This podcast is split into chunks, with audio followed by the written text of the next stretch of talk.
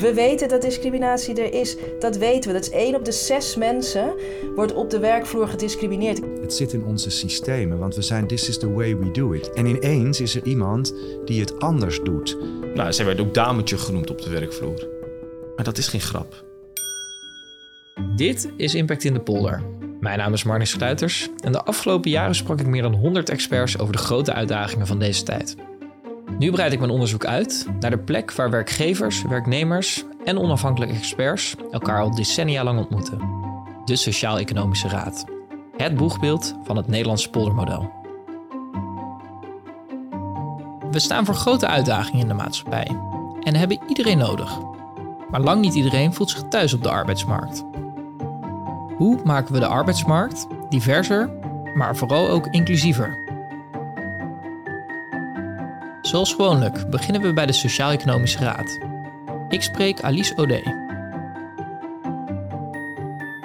Alice, jij bent programmaleider uh, arbeidsmarkt bij de SER. Uh, leuk dat we hier langs mogen komen weer. Um, een van die onderdelen die misgaat is diversiteit en inclusie. Je, ja, verschillende mensen op de arbeidsmarkt die zich daar ook nog thuis voelen. Um, wat gaat daar mis? Ik denk eigenlijk dat er heel veel misgaat als het gaat om diversiteit en inclusie. Aan de ene kant zien we dat het heel moeilijk is om um, minderheidsgroepen binnen een bedrijf, zal ik maar zeggen, maar het kan ook een organisatie zijn, op alle niveaus vertegenwoordigd te krijgen. Dus we zien heel vaak uh, dat bijvoorbeeld de top van een bedrijf bestaat uit, uit witte mensen, vaak mannen.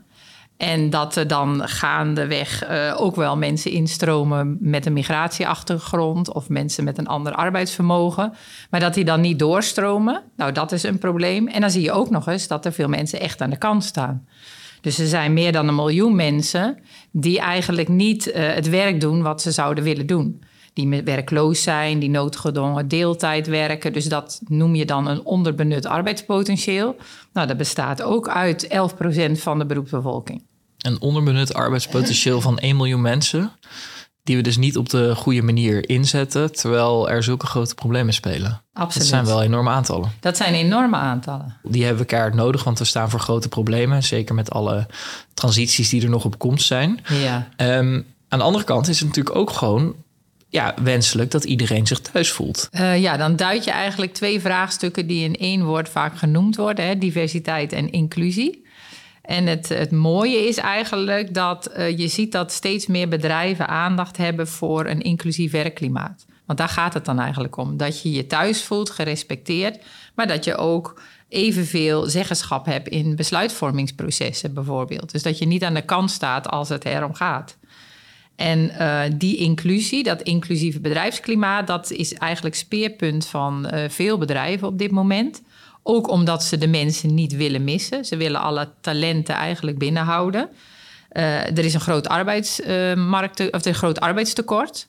Dus dan wil je ook zorgen dat je talenten vasthoudt. Maar tegelijkertijd zie je ook dat bedrijven zich en organisaties zich beter uh, dat ze beseffen hoe belangrijk het is dat verschillende inzichten meegewogen worden bij besluiten, bij producten, bij dienstverlening, bij het bereiken van klanten. Dus het waarderen van de verschillende inzichten en de verschillende inbreng, die wordt steeds groter. En dat maakt dat men het ook ziet als een business case. Alice vertelt dat diversiteit en inclusie erover gaat dat iedereen mag en kan meedoen op de arbeidsmarkt. Maar wat is meedoen dan precies?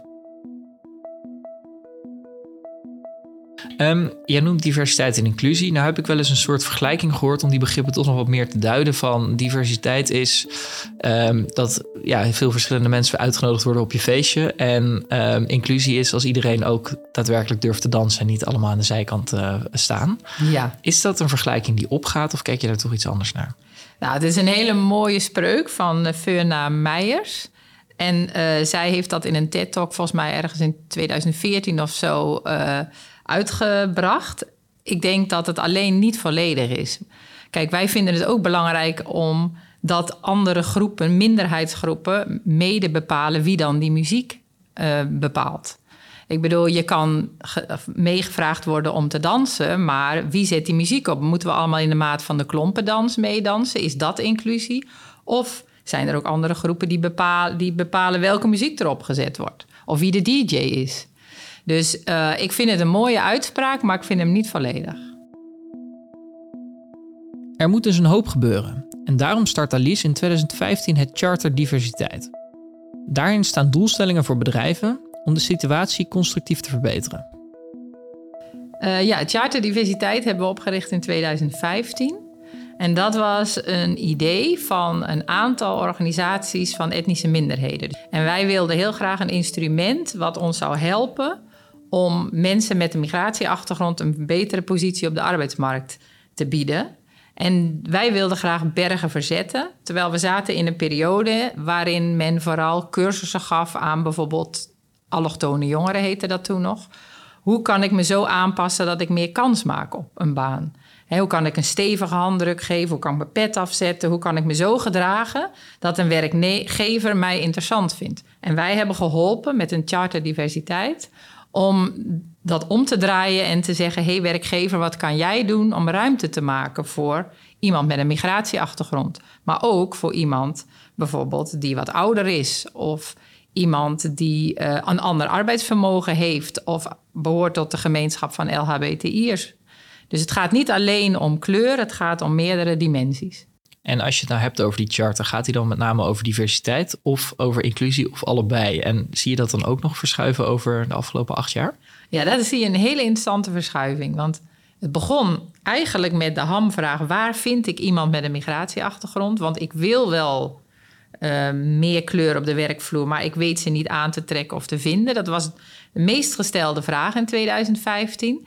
Dus waar het begon van hoe kan ik verschil in mijn personeelbestand krijgen, zie je nu dat het de aandacht uitgaat naar hoe kan ik een werkklimaat creëren waar iedereen zich thuis voelt en iedereen zeggenschap heeft. Ja, dus de echte uitdaging gaat steeds meer naar inclusie. Dat is misschien wel interessant om daar uh, eens wat verder in te duiken. Ja, dat is super interessant inderdaad. Ja. Alice raadt mij aan om eens met Onur Sahin te gaan praten. Op basis van data doet hij grootschalig onderzoek naar diversiteit en inclusie op de werkvloer. Ik vraag hem waarom hij denkt dat diversiteit en inclusie zo belangrijk zijn. Ja, want als je aan diversiteit werkt zonder aan inclusie te werken, dan kom je uh, niet zo ver. Want wat we zien is dat uh, uh, vooral minderheden binnen een bepaalde sector of organisatie uh, toch vaak de organisatie verlaten omdat ze geen inclusie ervaren, omdat ze niet het idee hebben, oh ja, ik hoor hierbij. Een voorbeeld is dat er heel hard wordt gewerkt aan uh, bijvoorbeeld vrouwen in de technische sector.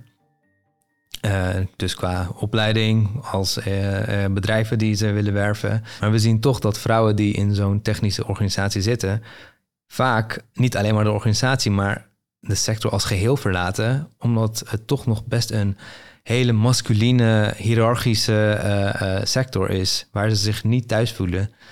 Uh, en dus er maar liever voor kiezen om in een hele andere vakgebied te gaan werken. Maar tegelijkertijd, het is ook wel een werkvloer. Dus, dus maakt het dan uit of je overal in betrokken wordt? Hoe, hoe belangrijk is dat, zeg maar, om overal in meegenomen te worden?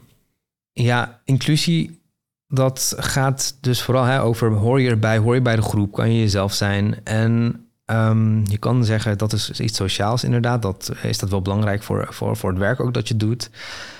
Maar um, juist op wat socialere momenten, op wat informelere momenten, wordt er vaak ook uh, belangrijke informatie gedeeld of worden beslissingen gemaakt die belangrijk of relevant zijn voor het werk. Uh, en als je daar structureel eigenlijk niet bij bent of niet bij mag zijn, of niet voor wordt uitgenodigd voor een lunch bijvoorbeeld, dan mis je toch wel belangrijke informatie wat je op een achterstand kan zetten op het werk. Ja, waardoor je natuurlijk ook gewoon minder zichtbaar bent. Um, en misschien bij een promotie juist de boot mis, uh, ja. mist. Ja, precies. Dus dat soort sociale processen zijn ook eigenlijk best wel belangrijk voor het werk wat we doen en voor de kansen die we krijgen.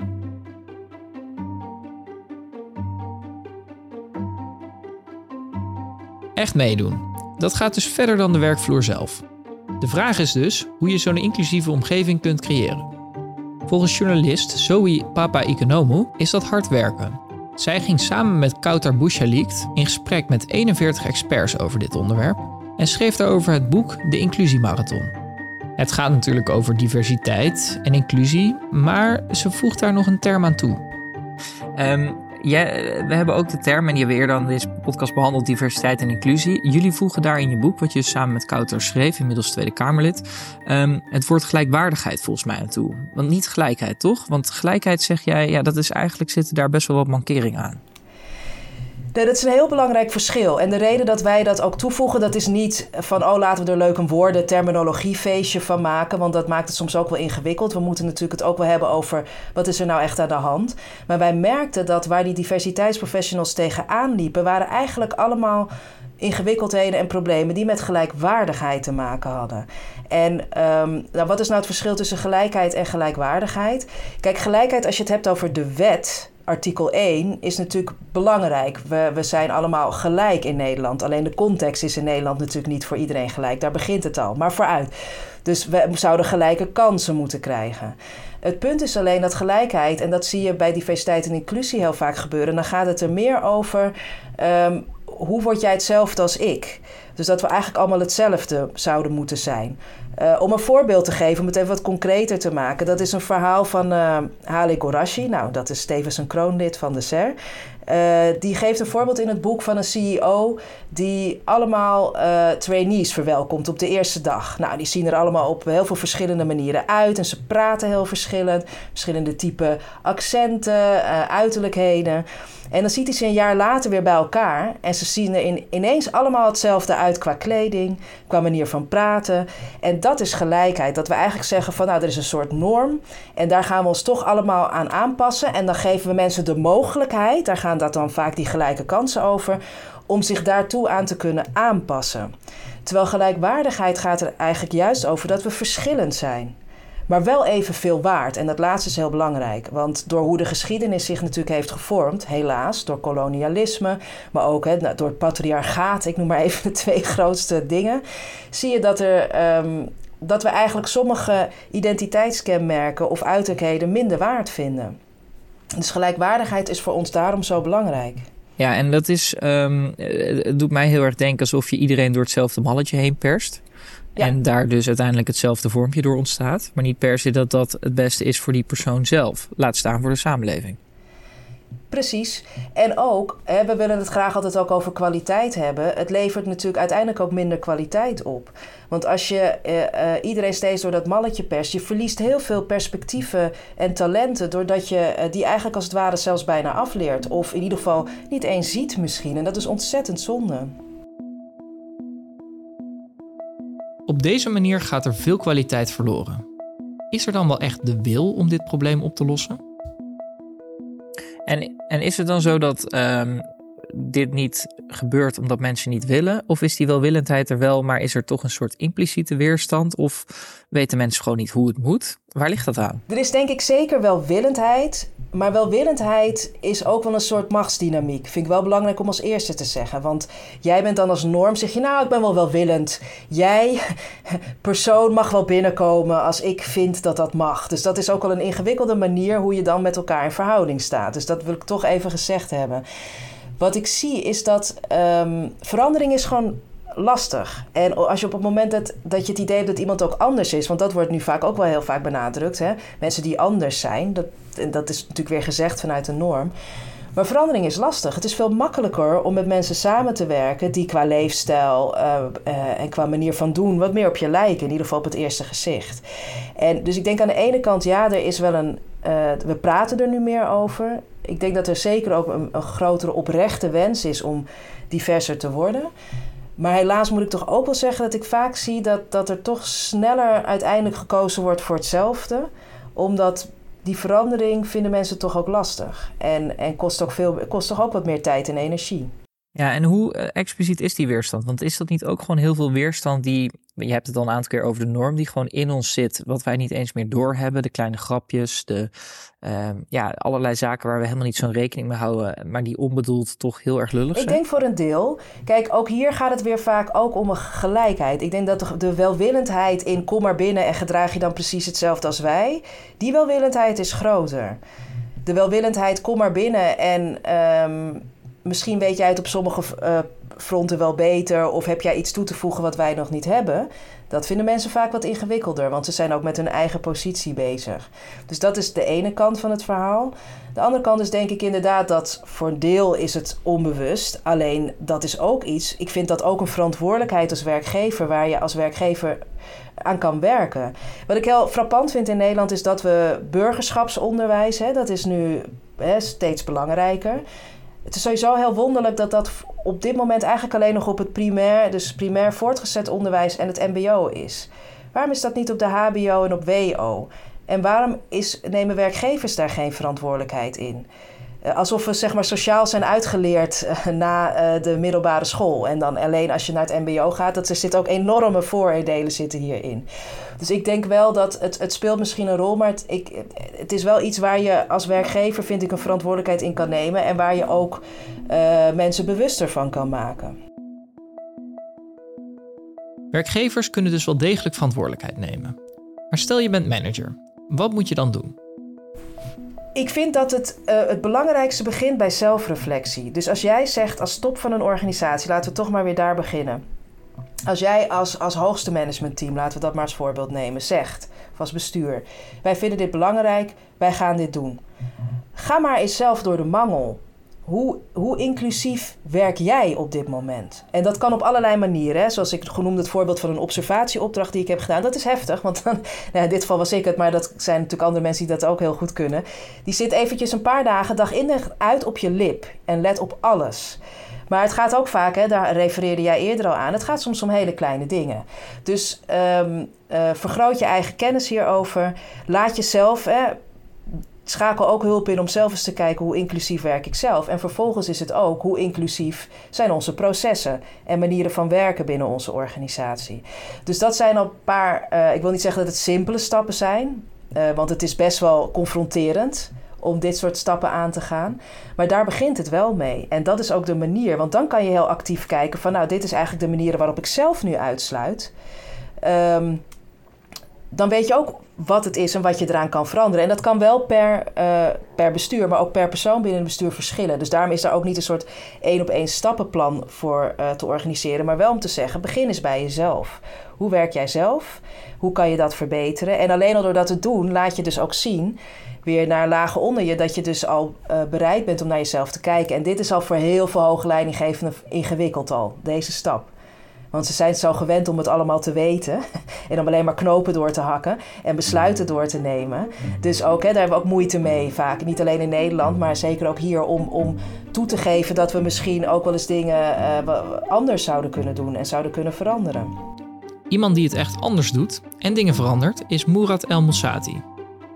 Toen hij een stage zocht, maar op basis van zijn sollicitatiebrieven niet werd uitgenodigd, besloot hij het roer om te gooien.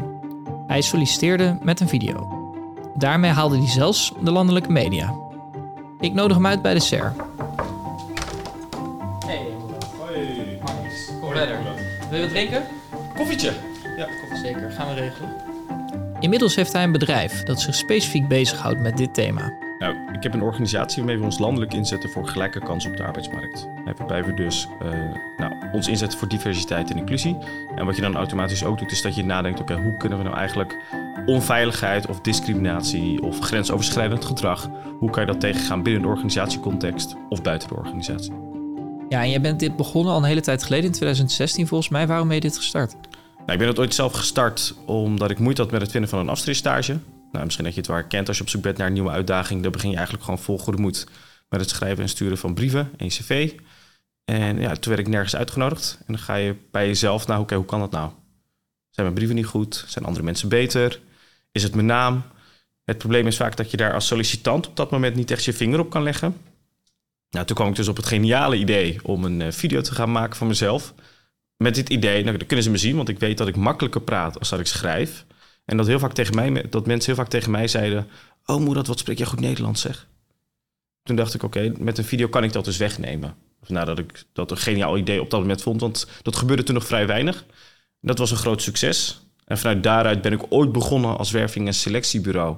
Waar alles draait om video solliciteren. Echt als heilige graal tegen arbeidsmarktdiscriminatie.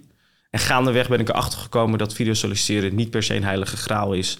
Maar dat we het moeten hebben van allerlei verschillende middelen tegen arbeidsmarktdiscriminatie. En zijn we ons dus veel meer de advieskant op gaan bewegen. Ja, maar even terug, hè, want je hebt het over dat je niet, eh, ja, dat je vol goede moet starten aan een zoektocht naar een stage, maar dat je die eigenlijk niet kon vinden op de reguliere weg. Is dat dan ook al discriminatie? Dat is heel erg moeilijk om te duiden. En daar, daar raak je een heel belangrijk punt. Het is vaak heel erg moeilijk om discriminatie op de arbeidsmarkt te duiden door slachtoffer. Snap je bedoel? Omdat je, ja, of uh, je krijgt vaak gewoon een algemeen mailtje waarin staat dat je niet past binnen het profiel. En dat is waarmee je het moet doen. Hè, maar als ik significant veel meer afwijzingen krijg ten opzichte van iemand zonder migratieachtergrond bijvoorbeeld, ja, dan is daar iets aan de hand. Hè, maar op individueel niveau is het vaak heel erg moeilijk om te duiden. En dat, is vaak heel erg, dat maakt het onderwerp zo complex. Kijk, je moet je voorstellen, soms is er gewoon sprake van discriminatie. Hè, daarin, uh, uh, nou, bijvoorbeeld een collega die een hele nare opmerking maakt naar een andere collega, die gewoon echt niet kan. En dat zijn dan soms meldingen waar wij zoals, die wij wel eens doorkrijgen, waar we dan wat mee moeten. Dus dat kan. Maar wat je vaker ziet is dat er sprake is van microagressie. En microagressies zijn eigenlijk hele subtiele uitspraken of gedragingen die je doet uh, om iemand een beetje te ondermijnen of te kwetsen. Of soms is dat niet eens de intentie, maar is dat wel het resultaat. Bijvoorbeeld als jij tegen mij zegt, wat spreek je goed Nederlands? Nou, dan denk jij misschien, nou, mooi compliment voor Moerad. En ik denk, ja, ik weet niet, ik ben niet geboren. En jij beseft misschien ook niet dat ik dat elke dag hoor. Waardoor ik dat als kwetsend ervaar.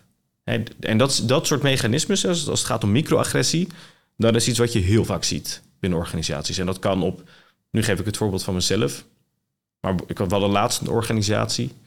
En dat was een directieteam. bestaat uit zes personen. Vijf mannen en één vrouw. En die vrouw, uh, nou, ze is, een van, is onderdeel van het directieteam. En zij is degene die altijd het gebak uitdeelt. En het thee en koffie haalt. En dat wordt niet van haar gevraagd. Maar het is een soort, het is er ingeslopen. En op een gegeven moment voelt zij ergens de verwachting dat zij dat moet doen. Heel gek is dat. Uh, of, nou, zij werd ook dametje genoemd op de werkvloer. Ja, dat, dat, en dat is een grapje, dametje. Maar dat is geen grap. Als je dat elke dag hoort, dan voel je je, vooral in zo'n positie waar je al de enige vrouw bent, ja, dan doet dat iets met je.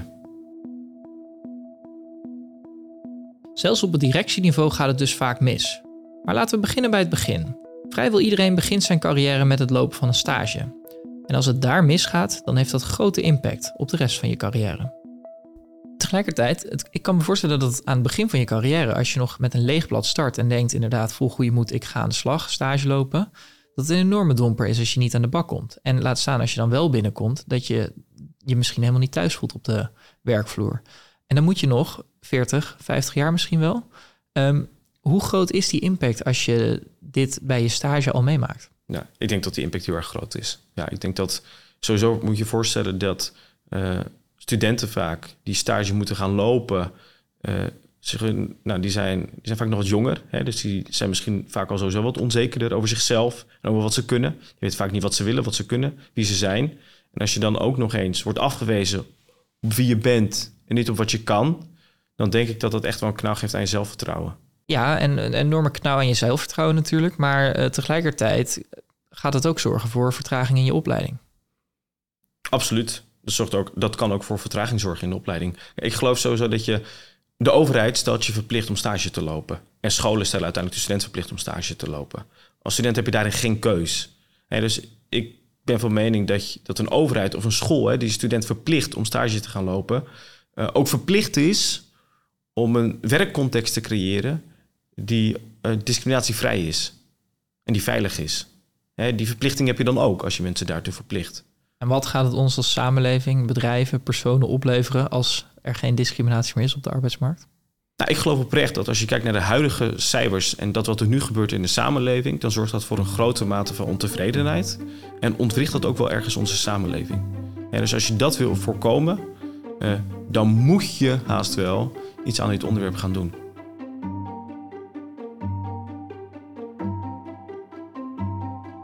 niet mee mogen doen. Dat leidt dus tot grote ontevredenheid in de samenleving. Maar gaan we dit probleem dan oplossen omdat er tekorten zijn op de arbeidsmarkt? Gelukkig zit ik inmiddels naast de voorzitter van de SER, Kim Putters. Wat denk jij daarvan? Nou weet je, maar niks, ik geloof eigenlijk helemaal niet dat we dat probleem op die manier aan het oplossen zijn.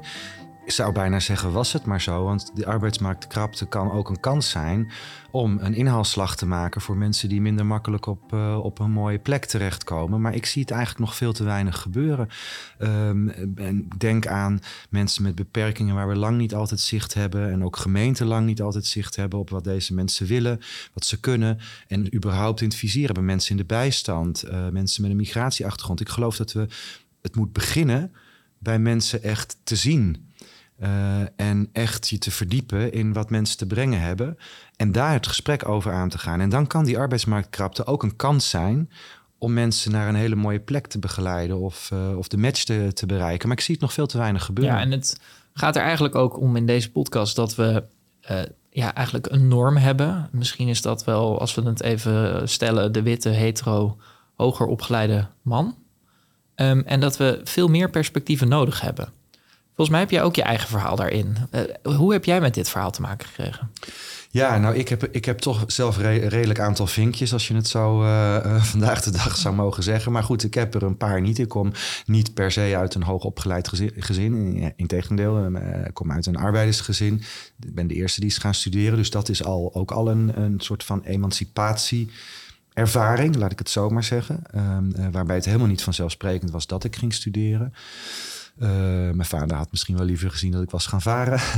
um, maar en met, mijn andere, het andere vinkje wat ik, uh, wat ik niet heb, is dat ik niet heteroseksueel ben. Um, en ja, daar, daar heb je ook altijd mee te dealen. In eerste instantie ook met jezelf. Um, dus ik heb er zelf uh, vrij lang over gedaan om, om uit de kast te komen, zoals dat dan heet. Het is ook al raar hè, dat je uit een kast moet komen, die blijkbaar dicht zit. Terwijl ik gewoon ook al redelijk lang in de samenleving rondliep. Maar het blijft ook ingewikkeld, zien we ook in, nog steeds in onderzoek in de LHBT-groepen. Um, om, uh, om ervoor uit te komen, op, om op de werkvloer geaccepteerd te worden. Ik heb, mijn eigen ervaring is eigenlijk helemaal niet zo negatief. Um, uh, toen ik eenmaal uit de kast was. Maar je hebt een soort drempel te overwinnen. Van ga ik dat nou vertellen? Moet ik dat al bij een sollicitatie gaan vertellen? Dat is ook heel raar. Maar wat als ze erachter komen? Is er dan in één keer een andere bejegening naar mij? Dus met dat soort vragen heb ik wel heel erg geworsteld. Uiteindelijk viel het allemaal mee. Dus een les voor mij was ook. Uh, ja, je moet ook niet voor anderen gaan denken. Hè? Uh, ja, je moet toch gewoon dicht bij jezelf blijven en anderen ook de kans geven om met jou in contact te komen. Maar ik zie natuurlijk ook om mij heen dat er hele andere, veel negatievere verhalen zijn van um, uh, ja, jongeren die op straat uitgescholden worden, op school er niet bij horen. Biseksuelen hebben hele grote problemen op de werkvloer. Dat is eigenlijk de grootste groep. Dus dat zijn eigenlijk mensen waarvan dan gezegd wordt van nou, daar kun je niet van op aan. Die waaien met alle winden mee. Dat is, wordt het pestgedrag op de werkvloer richting biseksuelen is heel groot. Dus um, ja, uh, dan geaccepteerd worden is best een ingewikkeld probleem. En er echt bij horen, want je kunt nog geselecteerd worden. Mensen kunnen je nog een kans geven. Maar vervolgens ook opgenomen worden in de groep is wel een tweede. Je had eerder ook over mensen met een beperking. Ja. Wat blijkt daaruit? Ja, nou moet jij denk ik ook zomaar jouw uh, verhaal uh, vertellen. Maar wat we daar zien is dat er heel snel een aanname is Um, dat mensen een bepaalde uh, activiteit of werkzaamheid niet kunnen. Um, terwijl we, we, ons dan nog niet verdiept hebben in van nou wacht eens even, is dat zo? Zou het met een, een aanpassing wel kunnen? Of kan het misschien wel tot iets veel beters leiden? Dus die vraag wordt, blijkt uit onderzoek zelden gesteld. Ik vind dat bijzonder ja. interessant. Ik heb daar natuurlijk persoonlijk veel ja. mee te maken gehad. Ik zal er zo meer over vertellen. Maar een van die dingen waar wat ik altijd onthouden heb, en dat heb ik echt jaren geleden gehoord, is Anna. Wat staat voor altijd navragen, nooit aannemen. En dat is precies waar dit over gaat. Dat er allerlei zaken zijn waar je misschien met een beperking niet van verwacht dat mensen dat kunnen doen. Maar wat misschien toch wel kan. Dat um, klopt. Ja, ik ben heel slechtziend op mijn twintigste geworden, midden in mijn studententijd. Uh, op bedrijfsuitjes, als jullie zouden gaan skiën of um, uh, naar een voetbalwedstrijd zouden gaan, zou je in eerste instantie denken: ja, wat moet je daarna met een blinde? Um, maar skiën doe ik nog steeds met een guide, met de Nederlandse visueel gehandicapte skivereniging meestal. Ja. Daarnaast heb ik een seizoenkaart bij Feyenoord. En dat was lange tijd niet om aan te zien, maar met een nieuwe trainer is dat uh, vooroordeel eigenlijk wel weg. Maar daar luister ik altijd verbaasd, naar. Want dat is inderdaad niet meteen wat je, wat je verwacht. Nou, ski al helemaal. En uh, dat is, uh, heeft mijzelf ook heel erg verbaasd toen dat na negen maanden nog bleek te kunnen. Toen ik ineens mijn zicht verloor. En dat heeft me vervolgens ook wel heel veel kracht gegeven om ja, weer door te gaan. En ook van andere dingen die, uh, waarbij ik zelf misschien wel dingen aannam die niet zouden kunnen te denken van dit kan nog steeds. En ja, voetbalwedstrijden volgen op de radio is natuurlijk gewoon ontzettend spannend. De radio luisteren kun je ook wel in het stadion doen, dus daar ga ik nog steeds heel graag heen. Ja. Um, ja, ik deed destijds accountancy toen ik heel slechtziend werd. En ik heb besloten om over te stappen naar fiscaal recht, omdat dat nog wel financieel was. En uiteindelijk uh, vond ik die hele wereld uiteindelijk niet zo interessant. Maar ik ben non-visueel gaan werken. En dat is misschien wel leuk om te laten horen. Uh, dit is. 15 september, 11 uur 58. Agenda over 2 uur, 11 uur 58. Waar ik de hele dag naar luister.